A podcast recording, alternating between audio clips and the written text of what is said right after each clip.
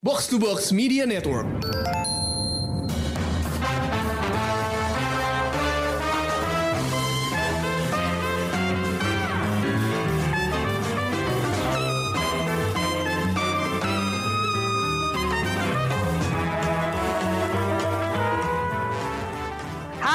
Halo, selamat tahun baru dan selamat datang di Showbox Podcast episode pertama di tahun 2023. Di kesempatan kali ini kita bakal nge-review film yang dirilis pas sebelum Natal di Netflix yaitu Glass Onion A Knives Out Mystery. Hadir bareng gue di episode ini adalah Ulil, Rengga, dan Krisna. Hai guys. Hai. Akhirnya nih full team ya setelah eh, kemarin-kemarin banyak yang absen, terutama Ulil sih. Iya, Eh, benar, ya. sekarang kita ngumpul lagi ya. Dan gue sebenarnya dapat request untuk mereview Glass Onion ini udah dari sejak eh, setelah Natal. Karena Ulil tiba-tiba nge-WA gue bilang, eh eh, lucu kali ya kalau kita nge-review Glass Onion tapi udah akhir tahun terus udah bubar gitu. udah bubar Sudah. jalan. Menghilang orang-orangnya. Iya, udah liburan. Jadi kayaknya susah kalau misalnya mau dibikin sebelum eh, 31 Desember. Jadi makanya untuk merayakan tahun baru ini kita rekaman Glass Onion sebagai episode pertama.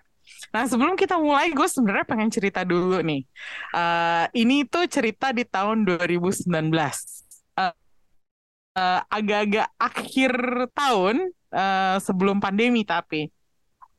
Dulu itu gue sama Rengga pernah bikin berdua. Jadi kita sering ketemuan, terus rekaman dan ngobrolin film. Eh, kadang sama Krisna juga ya, meskipun waktu itu lebih banyaknya gue sama Rengga berdua. Eh, sayangnya setelah itu di 2020 eh, ada pandemi kan, jadi kita harus stop. Nah, salah satu film yang kita bahas, gue sama Rengga bahas sebelum podcast kita hiatus adalah Knives Out yang pertama, eh, karya Ryan Johnson. Gue nggak tahu sih Rengga masih inget apa enggak. Tapi gue inget banget pas rekaman Out dulu ini, dia tuh lagi sakit, sakit parah Emang ya? sampai sampai harus mengasingkan diri dari istri sama anaknya supaya nggak nularin mereka. Kalau nggak salah waktu itu dia rekaman di kamar terpisah, terus yang Oh, nggak ada AC-nya, terus dia kepanasan. oh gue campak waktu itu. Iya. nah itu dia bener. Ya, di kita apa dia lagi campak, terus kita rekaman Knives Out gitu, Eh, secara remote. Eh, tapi obrolannya tetap seru karena waktu itu kita ngobrolin tentang social commentary yang jadi gimmick film tersebut terus unsur black comedy-nya yang juga entertaining. Terus ada kita ngomongin tentang jokes-jokesnya yang epic lah tentang bagaimana itu para anggota keluarga Trombi yang jadi karakter sentral di eh, Knives Out itu buta geografi karena mereka nggak tahu tuh karakternya Ana de Armas tuh datang dari Brazil, Paraguay atau negara Amerika Selatan yang mana gitu. Pokoknya kita sempat ngobrol seru selama setengah jaman. Rengga lagi sakit, tapi kita tetap ketawa ketiwi gitu. Nah sekarang pertanyaan gue buat kalian bertiga adalah apakah ada yang masih kalian ingat dari film Knives Out pertama itu? Untuk ngulangin aja, apakah eh, ada unsur dari film pertama itu yang masih kalian kenang sampai sekarang, terus bikin kalian eh, excited buat nonton sequelnya? Dulu kalau yang gue inget dari film pertama sih, waktu itu Hmm. gue lagi sangat bersimpati sama Ryan Johnson sih. Oh, Pasca Last Jedi ya? karena Star Wars kan? Iya. Jadi Ah, ya, oke, coba deh kayak ceritain Chris. iya waktu itu kan kayak dia sangat ini ya dizolimi gitu kan di Star Wars menurut kayak dia nggak layak lah perlakuan mendapat perlakuan yang nggak layak lah dari para fans terutama kayak gitu kan. Dari Hmm. studionya juga gitu. Terus kayak akhirnya dia membawa ininya sendiri gitu kan. Apa kayak ceritanya sendiri yang dia tulis sendiri yang dia garap sendiri. Jadi waktu itu cukup wah dan beda kan. Maksudnya dia waktu itu kayak belum pernah juga kan dia bikin eh kudanit gini kan. Mm-mm. Dari pembunuhan jadi ya waktu itu cukup antusias sih dan pas nonton juga wah terasa fresh sih. Dan benar kayak yang apa eh, lu bilang tadi keluarga ini nih kayak insensitif banget gitu kan sama sekitar. Iya, Dan keluarga kulit Eh, putih dan- banget gitu. iya kayak ya itu kayak soal geografi terus kayak soal apa isu-isu saat itu juga kayak so so peka tapi mereka nggak nggak ngerti sebenarnya gitu kan Mm, imigrasi ya. ada privilege banget gitu kan Mm. tapi yang menghibur terus detail kasusnya gue suka segala macem karakternya sih yang paling menarik dari film pertama yang gue inget Oh, oke. Mm-mm. Kalau Rengga sendiri apa yang lo inget Reng dari film pertama? Terlepas dari lo, lo nge-review pada saat sakit ya. Aja malu banget gue udah tua masih kena campak tuh Eh, apa ya? Yang gue inget sih dari film itu cuma Ana de Armas aja sih. Lo emang ngefans ya sama ada Armas ya, gue tahu sih. Cuman Gak, gak itu kayak eh, ya bener sih kata Krista kayak itu fresh banget filmnya. Kayak udah lama banget gak ada film kayak film Hudadit gitu kan yang bener-bener Hmm. ceritanya itu simple uh, cuma kayak pembunuhan biasa gitu nggak nggak banyak embel-embel aneh-aneh. Terus ceritanya juga kayak apa ya sebenarnya rada-rada satir black comedy gitu kan. Hmm. nggak yang Hmm. serius-serius banget gitu. Itu jadinya kayak benar-benar baru banget gitu. Lagi yang Ryan Johnson juga baru keluar dari Star Wars yang heboh sana sini gitu kan. Lagi dicela fanboy tapi dipuji dari kritikus gitu kan. Jadi kayak terlalu banyak noise tiba-tiba dia ngeluarin film kayak gini yang ternyata wah keren banget gitu. Hmm. bisa ngeluarin apa ya film yang apa ya ja- jadinya kayak down to earth banget dibandingkan sama Star Wars yang hingar-bingar sana sini gitu. Ya gue Hmm. inget gue juga Ya, suka banget sangat- setting rumahnya sih dulu tuh. Maksudnya di mostly di rumahnya itu kan Nah iya setting di Knives Iya. Out eh, di rumah yang sebenarnya nggak terisolasi, cuman eh, settingnya rasa unik ya. Iya, karena ya itu rumah itu jadi panggung mereka bermanuver segala macam kan. Iya. Eh, sementara di Glass Onion kita pindah ke sebuah pulau terpencil yang pulau milik pribadi yang desainnya rada aneh. Tapi nanti kita omongin lagi tentang setting ini. gue mau nanya dulu kenangan Ulil tentang Knives Out. Knives Out di tahun 2019 tuh gue ngerasa itu film yang bikin apa ya, bikin mencengangkan. Aduh, mencengangkan KBBI banget. Soalnya eh, cerita misterinya kan seru ya, kayak nggak ketebak gitu pada zaman itu. Terus kayak tentang keluarga gitu, siapa nih yang suspeknya gitu di antara banyak orang. Terus di saat itu Chris Evans juga di otak gue adalah dia superhero aja gitu. Tiba-tiba dia main di sebuah film yang bukan superhero. Jadi kayak wow, menarik gitu. Nah, ya itu eh, salah satu hal yang nanti bakal gue bahas juga adalah Mhm. penampilan Chris Evans yang eh, tiba-tiba dari seorang Kapten Amerika tiba-tiba dia mulai muncul sebagai karakter orang biasa. Ini kayak semacam kelahiran kembalinya Chris Evans mulai nerima peran-peran yang bukan peran-peran heroik gitu ya. Iya. Bisa Atau mungkin di saat itu dia udah tahu kalau dia akan diselesaikan. Jadi dia mulai menerima banyak tawaran dengan mencoba. Iya, mungkin juga itu itu jadi sebenarnya jadi bahan bahan pembicaraan gue berkali-kali sih sama ber- beberapa orang bahwa dia tuh sebenarnya pengen keluar dari apa ya? Dari image Kapten Amerikanya dengan menerima peran yang se nggak biasa mungkin Iya, gitu. iya, Iya iya. sih? Benar-benar. Oh, Oke, eh, itu tadi kenangan kita tentang Knives Out, tapi sekarang kita masuk ke film Glass Onion. Dari judulnya aja buat gue udah menarik, dan kalau diterjemahin itu artinya agak-agak apa ya, konyol kalau buat gue. Ah, karena nggak artinya masuk tuh akal ya Iya, gelas, gelas atau kaca berbentuk bawang bombay. Maksudnya ini apa sih gitu loh. Nah, eh, ada nggak? Apakah kalian punya ekspektasi tentang film ini sejak pertama kali tahu judul atau lihat trailer? Atau malah nggak ada ekspektasi sama sekali? Hmm, gue nggak ada ekspektasi sama sekali sih. Oh, kenapa? Apa ya? Kayak mungkin udah terlalu lama kali ya dari 2019 ke 2023. Terus kayak uh, men- menunggu, cuman nggak yang nggak yang gimana banget gitu loh. Karena ngelihatnya Ya, juga ya. kan um, cast-nya juga sesuatu kan. Dari di yang pertama kali juga udah sesuatu. Terus yang kedua sesuatu. Oh gitu. Jadi gue kayak oh seru nih gitu. Tapi gue nggak kayak oh ya udah deh gitu. Nggak nggak mencari tahu lebih ini akan kayak gimana ya nantinya gitu. Dan gue bahkan gak nonton trailernya Oh, oke, menarik juga. Karena gue juga supaya nggak mau ekspektasi tinggi-tinggi gitu loh.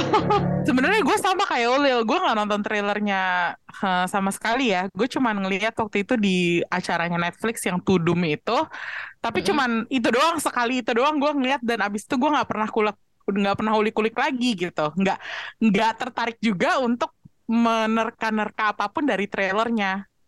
Gue gak tahu mungkin karena gue pikir ya biar surprise lah ya, biar eh, nanti nontonnya seru Ya, ya. gitu. Dan ternyata itu berhasil gitu. Kalau Ya. Krisna Marengga gimana? Hmm, gua sih sebenarnya ada sedikit ekspektasi kayak kan ini udah udah jadi ini ya IP baru lah, udah jadi franchise baru gitu kan.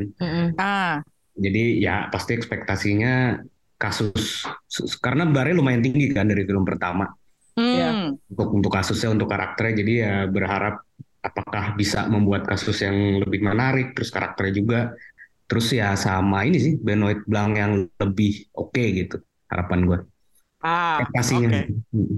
Ah, oke oke. Rengga gimana Reng? Lo ada ekspektasi maksudnya apakah lo berharap ada Anada Armas kedua di sini atau gimana?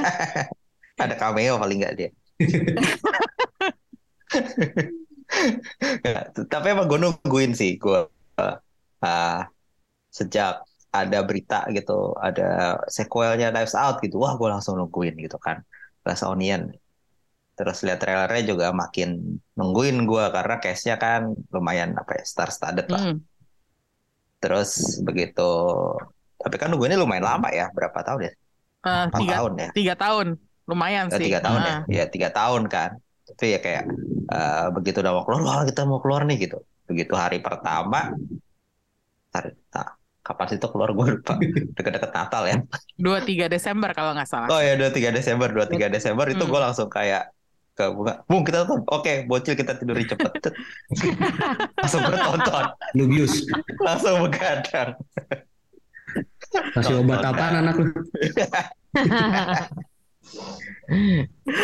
Aduh, oke. ini, eh, lanjut. Kasih koko melon ya. Oke, berarti kasih tablet sampai pules ya. berarti eh, Krisna Marengga ada ekspektasi, gue sama Ulil nggak ada ekspektasi ya. Jadi nanti kita lihat gimana hasilnya perbandingan eh, ekspektasi versus non ekspektasi gitu. Eh, sampai di sini gue harus stop dulu nih karena mau kasih spoiler warning. Baik nggak tuh gue? Biasanya gue nggak pernah kasih spoiler warning. Ajar terus. Hajar terus. Tapi sekarang bagi yang belum nonton Glass Onion, dengerinnya stop sampai di sini dulu supaya nggak spoiler. Kalau udah nonton lanjut, kalau belum stop beneran deh. Jadi eh, ini untuk menjaga apa ya kemurnian cerita dan twist yang Karena ini Yang- film Udanit ya. dinikmati, betul. iya karena akan mengurangi kenikmatan kalau menurut gue pada saat lo tahu spoilernya apa biasanya gue nggak keberatan sama spoiler ya tapi untunglah untuk film ini gue nggak spoiler sama sekali gitu jadi eh, kita ngomongin pertama soal castnya tadi udah disebut bahwa castnya star-studded bertabur bintang banget Eh, film pertama pun seperti itu dan sekarang lagi-lagi eh, kita dapat cast yang A-list banget gitu Uh, favorit gue itu adalah Janelle Monáe sebagai Helen uh, Brand. Uh, ada nggak sih karakter satu karakter atau satu aktor yang paling menonjol buat kalian? Kalau gua sih ya selain sama sih si paling menonjol ya jelas si Janelle Monáe ya karena karena emang eh, kuncinya kan di dia, twistnya Hmm. juga di dia gitu. Hmm. Tapi selain itu ya E- Edward Norton sebagai Miles Brown sih karena kan ya butuh yang kuat juga ya dari sisi sebaliknya. Ya, betul. Hmm. Eh, apa ya dia kayak kayak gue ngelihat dia cukup berhasil menggambarkan apa ya sosok bos tech company yang so asik gitu. Iya? Lagi, ya, ya, Iya, ya itu sih. Elon Musk, Elon Musk. Cocok ya. Gue mau nyebut nama disebutin. Karena itu udah menjadi rahasia umum ya Iya. bahwa dia Iya. tuh uh, meranin uh, pertama Elon Musk, tapi ada juga disebut-sebut Jeff Bezos sama Donald Trump gitu. Iya. Dan itu kelihatan banget betapa so asiknya dia dan aduh tapi gue nggak pernah kayak gimana ya kalau mau kita bandingin nanti kita bandingin sih sama Mm-mm. si karakternya Chris Evans cuman gue merasa di sini udah jelas banget dia tuh seorang villain gitu loh ngerti Iya. Iya. Hmm, Bener, mendarah daging gitu ya, kayak udah ketahuan banget. Gue gue udah kayak udah bisa nebak tapi gue berusaha denial gitu. Ah masa gampang sih kayak berarti bukan dia kali. tapi terlalu jelas juga. Oke, eh, kalau Lil sama Rengga ada nggak karakter lain selain karakternya eh, Janelle Monáe sama Edward Norton yang eh, menarik perhatian kalian? Selain tiga orang itu sebenarnya kalau di rata-rata ya menurut gue penampilannya bagus semua sih. Hmm. Tapi ya yang paling menonjol emang dua orang itu sebagai ya emang dua-duanya juga jadi leading actor ya ditambah si Benoit Blanc. Nah, Benoit Blanc sendiri di sini menurut lo gimana? Kalau gue nggak tahu kenapa, gue lebih suka Benoit Blanc di film ini dibanding Knives Out. Karena di Karena Knives Out, eh, gue merasa dia masih agak ada banyak dodolnya. Sementara di sini tuh apa ya? Dia tuh lebih eh confident atau lebih mature. Gue nggak tahu juga deh. Nyebutnya lebih gimana. jelas kali ya. Iya gitu loh. Heeh. tindakannya gitu. Tadi eh Krisna ya yang mengharapkan sesuatu yang baru dari Benoit Blanc. Iya, dan gue berharap Benoit Blanc yang lebih baik dan ya gue setuju sih di sini dia kelihatan eh, lebih mateng, lebih luas kali ya. Mungkin ya Hmm. karena udah Iya, udah iya. di film kedua sih ya udah udah jadi karakter udah udah jadi IP tersendiri gitu kan. Benoit Blanc kan Hmm. mungkin mungkin di film pertama ya pertama kita belum familiar sama karakternya kan, sama detektif Hmm. kayak gini sementara di sisi lain juga kayak waktu itu lumayan rawan untuk dibandingin ke detektif-detektif flamboyan lain gak sih? Iya. Bebannya kayak kayak kalau di film pertama tuh kadang masih terasa Daniel Craig tuh cukup terbebani dengan hal itu gitu loh. Jadi Hmm. ya, dibandingin sama ini ya Hercule Poirot. yang Poirot, misalnya gitu. Poirot, ya. Ya, Gak cuman dia sih kalau menurut gue ada eh, kemiripannya. Kemiripan sama bukan kemiripan ya kayak unik-uniknya tuh sama Hmm. kayak Sherlock gitu misalnya. Mm-mm. Hmm. Jadi dia agak pressured sama yaitu ekspektasi orang Itu terhadap kayak- karakter detektif gitu. Kayak dia berusaha terlihat masih berusaha terlalu keras untuk beda gitu kan, terutama dengan Southern accent-nya itu juga kan. Kayak masih masih belum di apa di beberapa bagian kayak masih belum meyakinkan gitu. Sementara di sini kayak dia udah jauh lebih luas sih. Dan mungkin di Hmm. film pertama juga agak ketutup dengan karakter-karakter lainnya juga kali ya. Karena kayak masih butuh juga yang apa si tersangka-tersangka yang sama menonjolnya sama dia gitu kan. Nah itu dia kalau di film pertama tuh kita ada Jamie Lee Curtis, ada Don Iya. Johnson, ada Tony Collette, ada Ana de Armas, ada Christopher Plummer tuh semuanya tuh kayak mengelilingi dia dan menonjol semuanya gitu. Mm. Sementara Benoit Blanc karakter baru yang apa dengan logat yang super aneh kalau buat gue. Tiba-tiba dia kayak bukannya tenggelam ya, tapi kayak nggak nggak men- nggak mencuat gitu loh. Iya, nggak menonjol aja, terata lah gitu. Mm-mm, Padahal kan harusnya filmnya kan sebenarnya kan dibikin untuk karakter ini gitu kan. mm-mm. Kayak Dia James Bond-nya gitu. Dia emang James Bond. Oh iya bener gue lupa. Iya, Beda lagi dari kalian. Oh, kenapa Lil? Aku malah lebih suka dia yang pertama. Oh ya? Benoit Blanc ya. Iya, Oh, soalnya kayak yang di kedua ini tuh semuanya tampak lebih mudah gitu loh. kasusnya sih. Ah, Iya, Ini lebih ke oh, cerita aja sih Iya. gua. Iya, iya bisa jadi sih ya. Soalnya kayak kenapa semulus itu gitu loh dan Mhm. dari mulai mulai mulai kejadian kode-kode yang si Miles uh, Brownlee bilang kayak kita akan main apa uh, main siapa yang ngebunuh gue gitu kan. Pembunuh. ah, ah. Ah, ah, tuh gue kayak ada ya pasti dia nih ujungnya. Ah bener. Terus gue kayak sama kayak Krisna, gue denial kayak bukan dia nih, bukan dia. Eh, tapi dia kesel banget. Dan iya sih menurut gue Daniel Craig di sini tuh kayak udah ya mungkin tadi udah udah pakem banget gitu ya karakternya udah dapet. Cuman jadi kayak kurang misteri gitu loh. Dan Hmm. kode-kode dia yang di satu tuh kayak kurang gitu, kurang ada di sini. Gue inget banget di film pertama tuh ada adegan something is happening. Gue lupa apa. ada kejadian heboh tapi terus dia pakai earphone jadi dia nggak denger dan dia nggak sadar apa yang terjadi gitu Oh iya. Itu satu kebodohan Benoit Blanc yang gue harap nggak terjadi di film ini.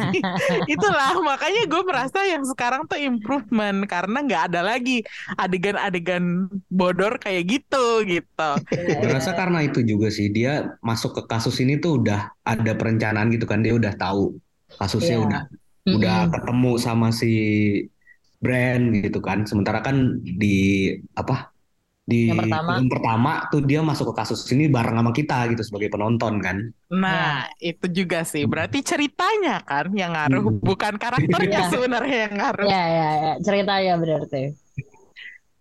Oke, eh, gini kalau misalnya kita kan kita tadi kita udah ngebahas nih eh, trifecta ya. Eh, jadi yang ngebawa filmnya tuh eh, Daniel Craig, Hmm. Janelle Monáe sama si Edward Norton gitu. Eh, nih kalau misalnya mau dibandingin antara Chris Evans dan Edward Norton yang sama-sama jadi penjahat di eh, dua film Knives Out ini, siapa yang lebih sukses menurut lo? Dua-duanya sukses Sukses buat lo? dengan karakter yang berbeda. Iya. heeh. Jalan buat ceritanya si ya. Knives iya, jalan Iya, ceritanya yang membantu itu. Kalau Knives Out itu kan ceritanya kayak si si Chris Evans-nya dia berhasil mengelabui semua orang dengan Iya. dengan dengan karakter dia yang polos, anak baik-baik gitu kan. Hmm, Cuma ternyata banget dia licik gitu. hmm. Nah itu dia berhasil, ujung-ujungnya kan kelihatan kan. Ekspresi mukanya pas sudah terakhir-terakhir itu baru kelihatan kalau dia jahat gitu. Hmm. Sementara kalau yang di Smithsonian tuh lebih kelihatan kalau si emang si Ed Norton ini apa ya aktor watak gitu. Hmm. Kayak emang Oke. kelihatan kelihatan banget emang. Evans belum Mainnya aktor tuh- watak Reng. Belum sewatak itu sih dia. apa? Iya iya iya. Dia masih Chris Captain? Amerika sih menurut gua. Iya, kalau kalau soal itu sih masalahnya eh, apa Chris Evans tuh tampangnya udah terlalu apa ya, terlalu famous gitu loh untuk jadi Terlalu watak gitu. Heeh, Iya, gitu. terlalu Tapi ikonik kalau gitu. lo menurut kalau menurut lo Chris eh, sama nggak derajatnya antara si Eh. Ransom Trombi sama si eh bukan Nah, Ransom Trombi ya namanya ya? gue lupa ya namanya. sih Rans ya suka si Ransom Hmm. sama si Oh, iya. eh, Miles Brown ini sebagai villain mana yang lebih apa ya nampol intinya Buat gue sih ujung-ujungnya memang setelah selesai Chris Evans lebih karakter Chris Evans lebih ransom ya. Ransom tuh lebih lebih memorable karena ya itu Oh. tadi karena elemen kejutannya kan. Pertama kejutan dari Chris Evans-nya. Hmm. Eh, ya di luar kita udah bertahun-tahun biasa ngeliat dia sebagai Kapten Amerika gitu kan. Terus di sini Hmm. beda. Eh, sama karakternya juga karena ya gue inget di tengah film pun kan dia kayak terlihat lebih simpat apa agak simpatik gitu kan.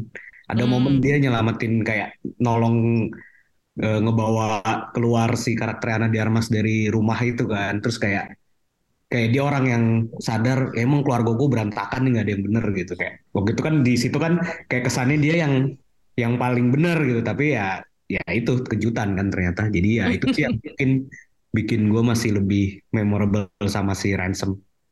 Oh oke. Hmm. kalau Ulil gimana Ulil? Menurut lo siapa yang lebih sukses? Chris Evans atau Edward Norton Chris Evans sih. oh, lebih ya itu sih lebih nggak lebih nggak ketebak aja gitu dengan semua yang dia lakukan dan dia menjelma seperti keluarga lainnya gitu simpatik aja hmm.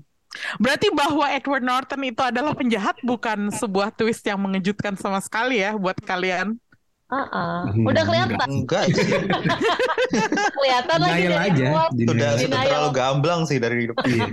mungkin emang bukan itu yang mau di apa ceritakan. yang disiapkan ya, yang diceritakan Nah, berarti let's talk about the twist ya. Karena Hmm. kalau menurut gue, twist terbesar itu adalah bahwa eh, Andy Cassandra Brand itu punya kembaran, yaitu si Helen, yang diperanin juga sama Janelle Monáe gitu. Jadi dia Ya. meranin eh, dua, Dua karakter, karakter. dan ternyata dia meranin saudaranya.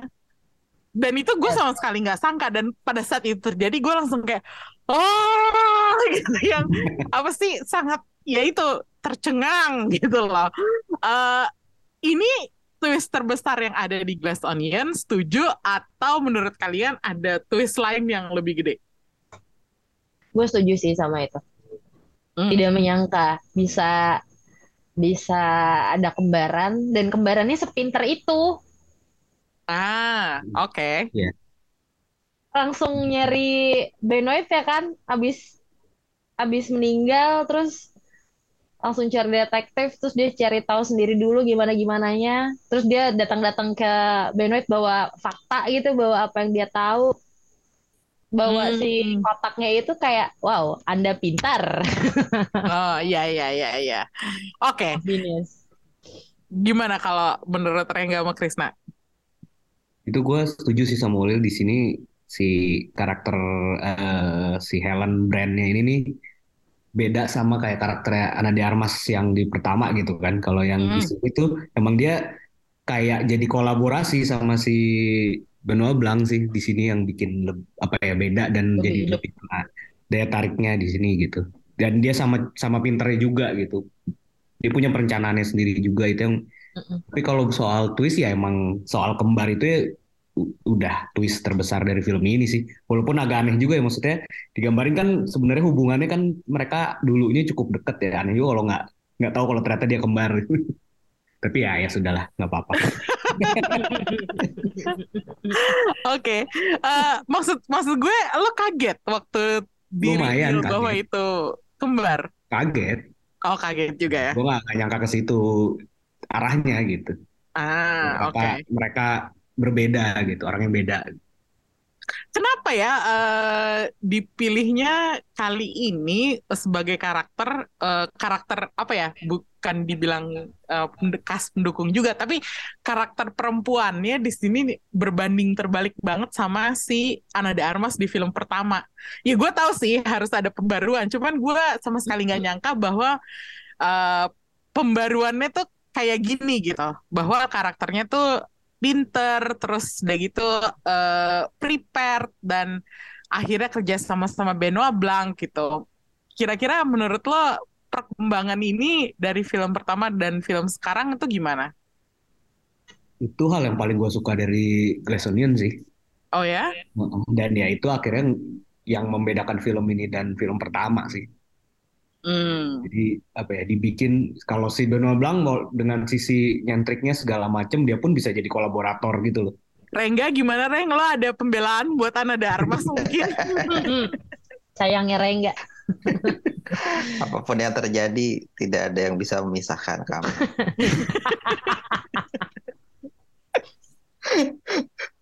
Justru eh, apa si twistnya gede itu emang itu ini banget kan wow banget kan wow ternyata kembar gitu tapi menurut menurut gue justru jadi kayak kayak ceritanya mulai dari situ itu mulai justru malah downhill buat gue ya Oh ya? Iya, soalnya kayak setelah itu tuh jadi semuanya hmm, udah nggak hudanit lagi jadinya kan. Karena kita udah Oh. tahu dia penjahatnya si Miles Brown gitu, kayak siapa lagi gitu kan. Iya sih di sini Jadi kayak jahatnya udah ketahuan banget ya.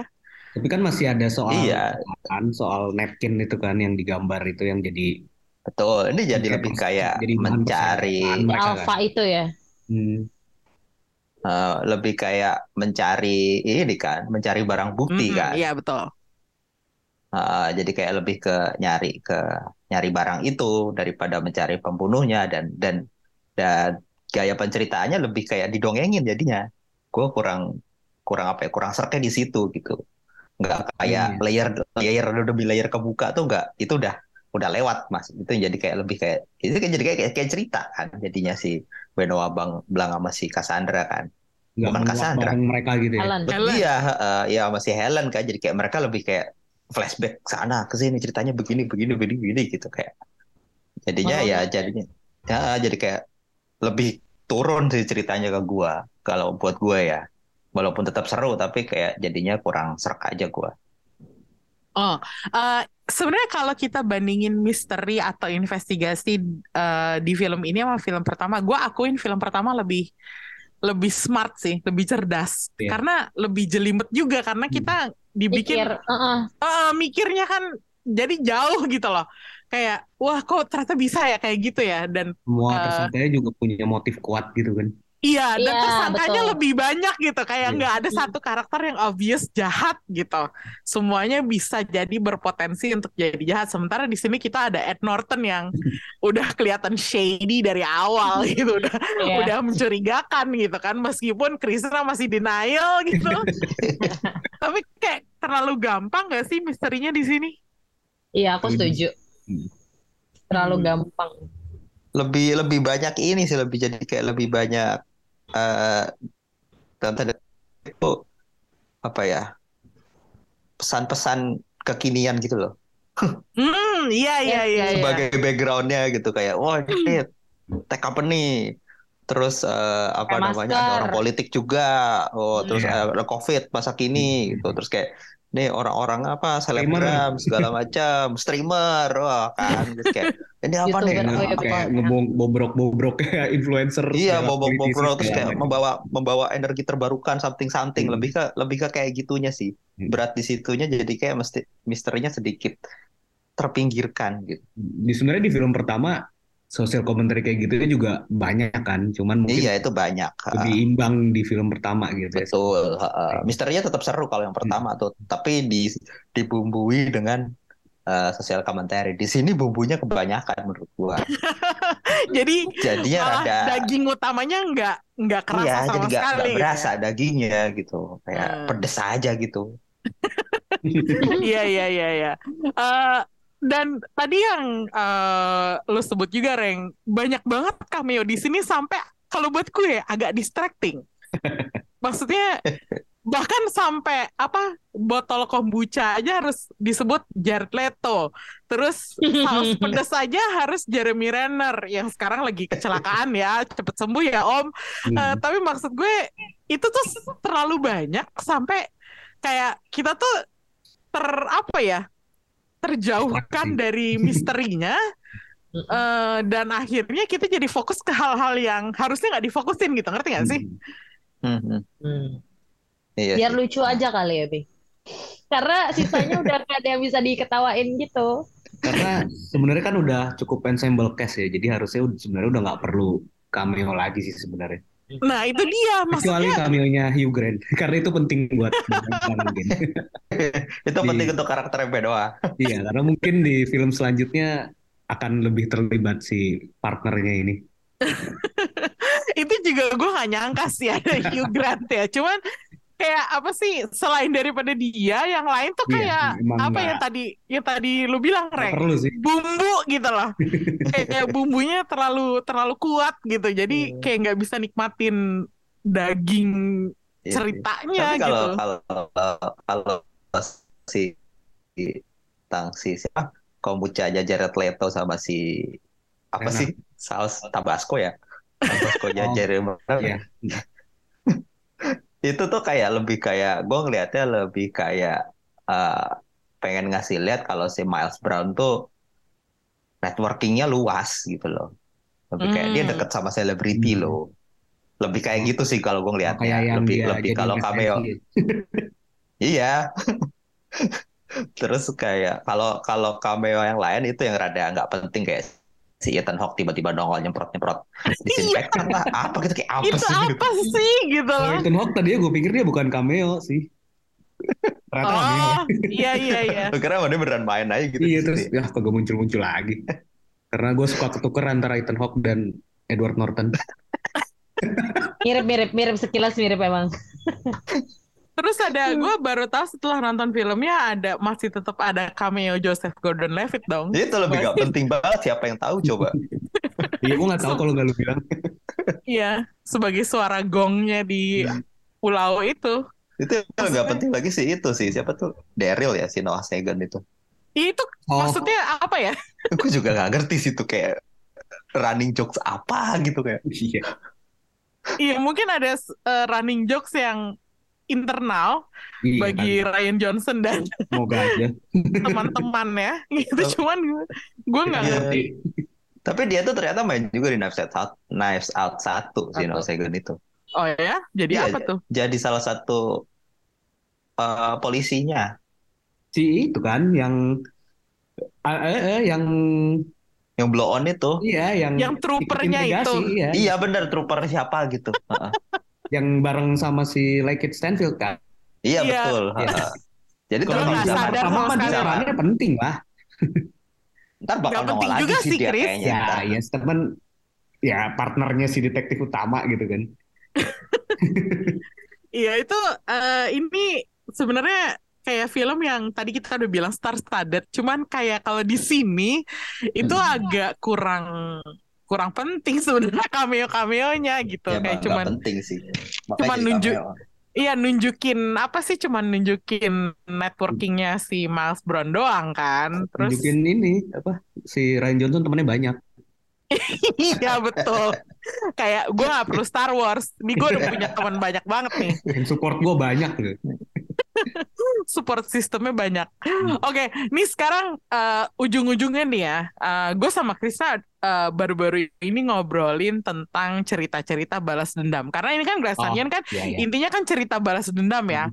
Eh, Helen pengen justice keadilan bagi eh, Hmm. saudara kembarnya yang eh, menurut dia itu nggak adil banget bahwa dia bunuh diri eh, atau ternyata dibunuh gitu eh, oleh si orang kaya ini gitu. Tapi gue sama Krisna tuh bahas bahwa kadang-kadang kalau kita nonton cerita-cerita balas dendam itu akhirnya tuh mengecewakan.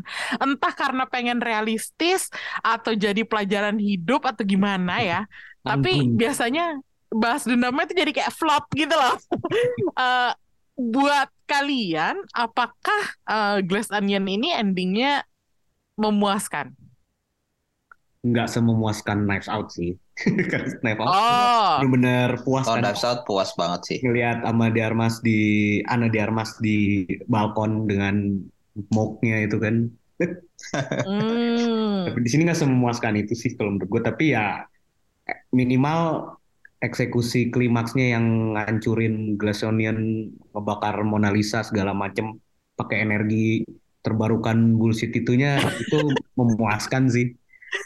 Oke. Tapi secara apa ya? Secara cerita apa eh, pengungkapan misteri segala macam terus kayak hukuman ke ini yang kayak kurang sih kalau buat gue ke si Miles Brown-nya. Hmm. Ulil gimana Lil? Sama lagi. Kalau dari jalan ceritanya gue udah ah gitu. Walaupun, Maksud, walaupun maksudnya? Kenapa gitu? Aturan bisa lebih seru gitu. Oh, oke oke. Karena mungkin udah menikmati banget yang pertama kali ya. Jadi gue berharap yang kedua tuh mungkin lebih ngejelimet tapi eh, puas gitu. Jadi kita juga diajakkan mencari tahu dan menebak dan menuduh siapa nih kira-kira gitu kan. Hmm. Tapi waktu pengungkapan uh, uh, si Miles Brown sendiri itu kayak waktu yang si Helen ngebong ngebongkarin kamar satu-satu yang dia uh, akhirnya nggak tahu gimana teh uh, kong kali kongnya sama si Benoit ya kan akhirnya dia di sini nggak ada di sini nggak ada terus bisa bisanya dia ketembak tapi nggak mati tuh gimana gitu loh. Kayak masa iya buku lo setebel itu coy? Sih iya kan? Kayak masa peluru kalah sama buku? Gitu. Semua orang aja pakai buku gitu nggak sih kak? Kesel. itu masih gua nggak habis pikir sih. Kalau bisa Hmm. selamat ya gitu doang gitu. Terus kayak ya gue mencoba menikmati lah waktu dibongkar satu-satu. Cuman untuk keseluruhannya gue kayak kurang greget dikit aja sih sama jalan ceritanya. Walaupun uh, visualnya bagus ya Ya visualnya sih nggak diragukan ya, emang cantik Uh-uh. banget sih film ini, apik gitu ya. Uh-uh. dan satisfying waktu dia mecahin semua kaca-kaca kaca itu sih. Nah Bener-bener itu yang Rilis banget itu kayaknya. Itu yang pengen gue bahas sebenarnya. Dengan dia memecahkan terus meledakkan eh mentionnya si Miles Brown itu apakah udah cukup puas atau masih belum? Masih kayak apa sih? Ya karena ceritanya nggak memuaskan reward di akhirnya nggak begitu terasa apakah itu Iya. yang di- dirasakan oleh kalian gitu nggak berasa sih ya berhubung dia orang kaya juga nggak sih kayak itu dihancurin juga kayak ya udah gue masih bisa lumayan sih dia harus ganti Mona Lisa tuh nggak itu, itu tidak tergantikan itu sih. tidak tergantikan sih. itu tapi masalah besar sih buat dia. tapi muka dia biasa aja gitu Iya kayak dia kayak dia tuh masih lempeng gitu ya tampangnya Ah, masih. ah, ah, ah. Bahkan dia lebih sedih waktu mobilnya kebakar jatuh dibanding tuh Mona Lisa itu, yang kebakar Ini mungkin ya kayak kayak yang gue bilang tadi kali ya kali ini rada bumbunya rada kebanyakan. Ini kayak underlying social commentary gitu loh, kayak burn the rich gitu kan gak sih? Ah, betul juga sih. Literally burn the rich gitu Hmm. kayak dibakar di di kayak rumahnya dihancurin kayak semua patung-patungnya dihancurin semua gitu. Terus Ah. diledakin gitu semuanya gitu.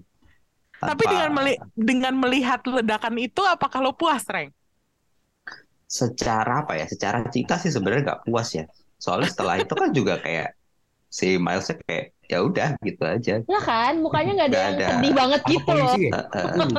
Nggak ada konklusinya dia bakal kenapa kenapa gitu jadi kayak ya udah gantung aja gitu Sementara kalau yang film pertama kan kita tahu tuh rumah berhasil dikuasain si ininya gitu kan, si Ana de Armasnya gitu kan tuh. Seorang imigran ya. Iya, yang di apa? Yang mereka sok peduli padahal nggak peduli juga selama ini gitu kan. Hmm. Si, si keluarga itu kan. Jadi yang pertama jauh lebih memuaskan ya buat kalian. ya Iya. Iya. ya sayangnya iya Sayangnya ya. Tapi itu tidak menutup eh, kenyataan bahwa film ini lumayan entertaining ya. Maksudnya eh, oke lah eh, Nah. secara misteri, secara cerita mungkin masih lebih di bawah sama Knives Out. Tapi Glass Onion ini udah jadi salah satu film tersukses Netflix loh kalau nggak salah ya. Kayak dia berada di peringkat yang top 10 lah di seluruh dunia kalau nggak salah. Ya. Jadi eh pastinya kita bakal dapat sequel dan ini udah lahir sebuah cinematic universe baru yang gue sebut Benoit Blanc Cinematic Universe dan Ryan Johnson dan Daniel. Daniel Craig udah bilang mereka bakal lanjutin filmnya dan Netflix sudah punya eh, hak untuk bikin satu film lagi. Jadi Hmm. em, coba deh analisa kalian tentang potensi franchise ini gimana, apalagi dengan model bisnis yang diterapin oleh Netflix untuk rilis filmnya, yaitu rilis di bioskop dulu, baru dirilis di OTT.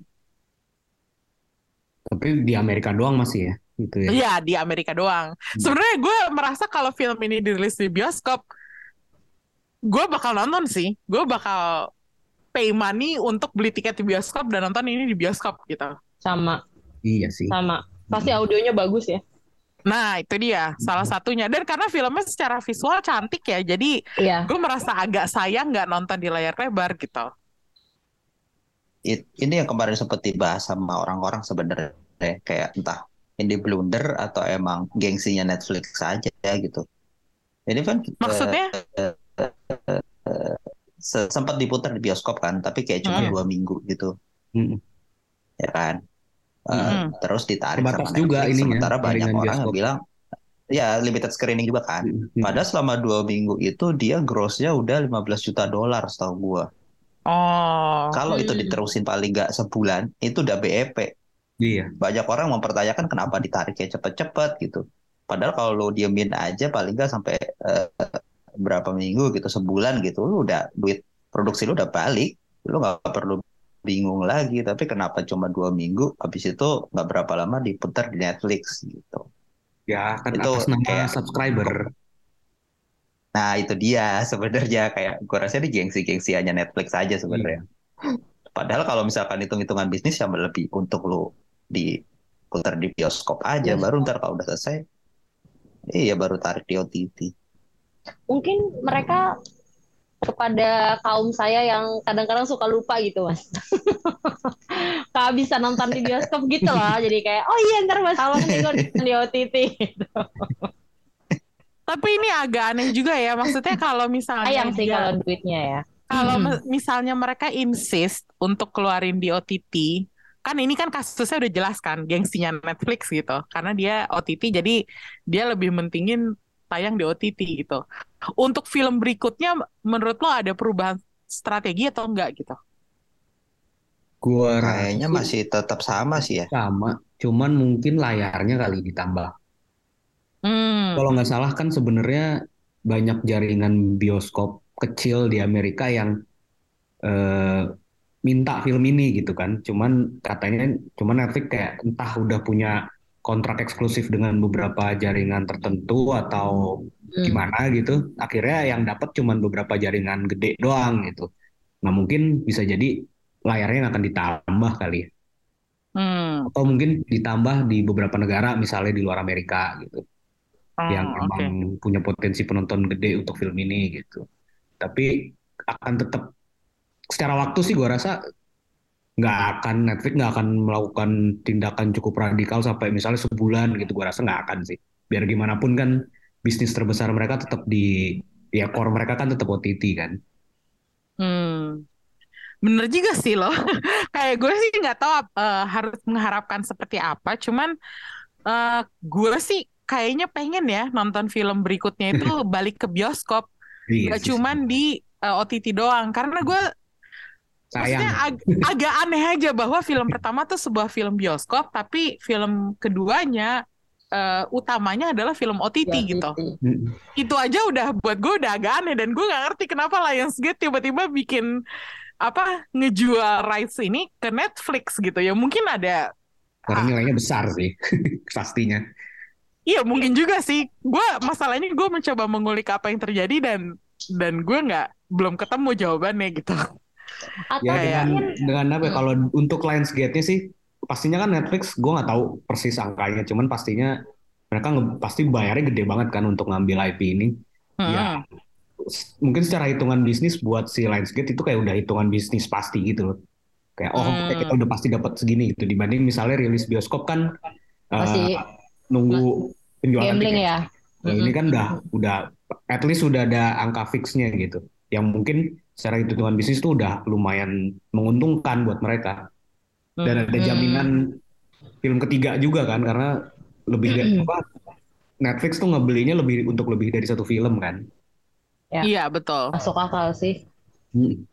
oke jadi gu- tapi gue tetap berharap ya film ketiga eh, ada Nah, di sebagai penonton sih pasti Iya, ngarepnya sebagai penonton gue tetap berharap film ketiga ada di bioskop karena eh, sejujurnya film ini itu layak masuk di bioskop dan kalau Iya. menurut gue Jelas. Glass Onion terlepas dari apakah dia lebih bagus apa atau, atau enggak dari film pertamanya, kualitasnya film kualitas sinema inilah yang lo lebar Iya, ini ini sebuah film yang eh, lo bisa bilang ini film sinematis gitu. Makanya gue agak merasa sayang bahwa ini nggak rilis di bioskop di Indonesia gitu. Dan Atau mungkin karena ini Emi, um, waktu tayangnya yang nggak pas. bisa jadi karena gue mikir gini ya, karena kita kan masih eh, pandemi Nah, belum benar-benar itu berakhir. begitu. Nah, itu dia gitu. Jadi mereka pengen sesuatu yang pasti orang bakal nonton, nggak harus keluar rumah. Jadi mereka mutusin ya udah OTT aja gitu. Cuman Waktu itu mungkin kan situasinya belum pasti gitu kan iya, tapi gue tetap aja merasa sayang sebagai penonton. Gue menyayangkan bahwa film ini nggak sempet rilis di bioskop lokal gue. Ya kali gue harus ke Amerika kan buat nonton di bioskop gitu kan. Ah, ya, ya, atau ya. masa gue harus sewa satu bioskop terus puter Netflix di situ juga nggak boleh gitu loh. itu juga nggak nggak boleh Ya, dilakukan kan makanya agak-agak ya agak-agak uh, conflicted intinya gue um, nih Rengga uh, nggak ada suaranya nih gimana pendapatnya Reng Tadi sudah disuarakan sebenarnya. udah disuarakan ya Emang ada- emang itu sih. Eh, dari segi bisnis Netflix juga kayaknya emang masih tetap bakal mementingkan OTT daripada ke bi- bioskop. Tapi paling enggak yang gua cukup apa ya eh, bisa dibilang apa ya checklist dari film ini adalah Hmm. warnanya udah gak kayak film Netflix lagi sih. iya level produksinya ya kayak Beda, level produksinya beda. level produksinya emang untuk layar lebar sebenarnya Iya. atau Ryan Johnson tahu caranya memproduksi Ah, sebuah atau itu film. sih. Nah, itu Iya nggak sih? dia. Iya. Film-film dia jam itu terbangnya kan. Iya, dia selalu memproduksi film-film yang budgetnya nggak gede loh, tapi hasilnya tuh sinematis banget gitu, nggak kayak film film layar kecil gitu. Pas dikasih budget gede banget juga bagus kok. Orang-orang nggak Nah. jelas yang bilang jelek tuh. Masih membela, hater lu, hater lu. masih membela Ryan Johnson dan Star Wars ya. Oke, eh, sekarang kita kasih bintang aja deh untuk eh, Glass Onion. Kita mulai dari Ulil. Wow. Ulil dong. Kita kasih empat lah untuk film Empat. yang ditunggu-tunggu dan visual yang bagus. Oh, murah hati sekali kau Ulil. Murah hati, murah hati. Walaupun sudah ditunggu-tunggu lama ya, namun begitu. Tapi apakah ini penilaian lo eh, sesuai dengan ekspektasi? Karena kan lo nggak punya ekspektasi sama sekali nih. Jadi lo masih bisa kasih nilai tinggi meskipun filmnya menurut lo nggak sebagus yang pertama. Enggak lagi sebenarnya. Tiga setengah sih kalau ekspektasi ya. Kayak aduh kurang greget banget gitu. Jadi tiga setengah atau empat Lil? Duh, gue tuh Leo apa sih digonjang dikit labil. hmm, udah kita kasih empat lah. Oh oke oke Oke. oke. Krisna berapa Kris? Eh, gua tiga setengah sih. Oh masih tiga setengah ya. Karena emang cukup inferior sih dibanding film pertama. sayangnya. Kalau film pertama lo kasih berapa bintang Kris? Kalau boleh gue tahu. Hah? Hmm, film pertama empat sih mungkin. Oh Mm-mm. oke. Kalau Rengga gimana Reng? Eh, ini tiga setengah juga sih gua. Tiga setengah ya. Iya. heeh. Menghibur tapi kurang gimana gitu. Ya untuk jembatan ke Benoit Blanc Cinematic Universe. Ya. Emang harus ada yang flop dulu ya. Iya. Film kedua biasanya flop. Nanti film ketiga bagus lagi. Iya, semoga loh.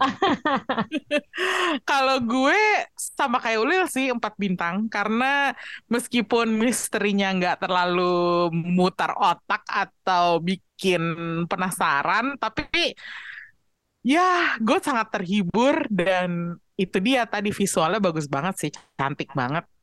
Mulai dari apa ya eh, kostumnya Cassandra, eh, Helen eh, kostumnya yang dia pakai di pulau itu, terus eh, aktingnya Edward Norton yang nggak pernah mengecewakan Eh, dan apa ya cantiknya si Pulau Glass Onion itu semuanya bikin gue agak terangkat moodnya pada saat liburan kemarin gitu. Jadi of course gue akan kasih nilai agak tinggi gitu.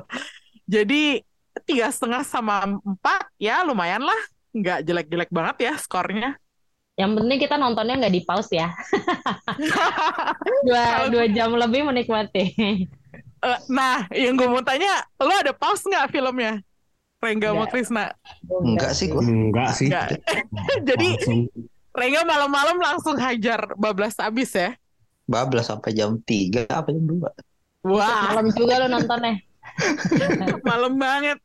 Gue nonton eh, mulai dari jam 6, terus gue lewatin makan malam sampai gue makan malam tuh baru jam 9 malam apa kalau nggak salah. Jadi ya emang ini filmnya lumayan entertaining dan susah di resist juga kalau menurut gue. Meskipun jangan terlalu berharap misteri yang jelimet banget. Seperti kayak eh, dibilang Rengga tadi kebanyakan bumbu dagingnya jadi nggak kerasa. Itu dia. Eh, nanti gue akan bikin itu jadi slogan film ini kali ya. Kebanyakan bumbu tapi dagingnya nggak kerasa. nggak kerasa. Ya. Oke, itu dia review pertama kita di tahun 2023. Uh, thank you guys sudah nemenin gue untuk nge-review Glass Onion. Kita ketemu lagi di review berikutnya. Mungkin kita akan uh, pergi sebentar ke Jepang atau Korea. Belum tahu, tapi tungguin aja episode berikutnya. Dan see you, bye-bye.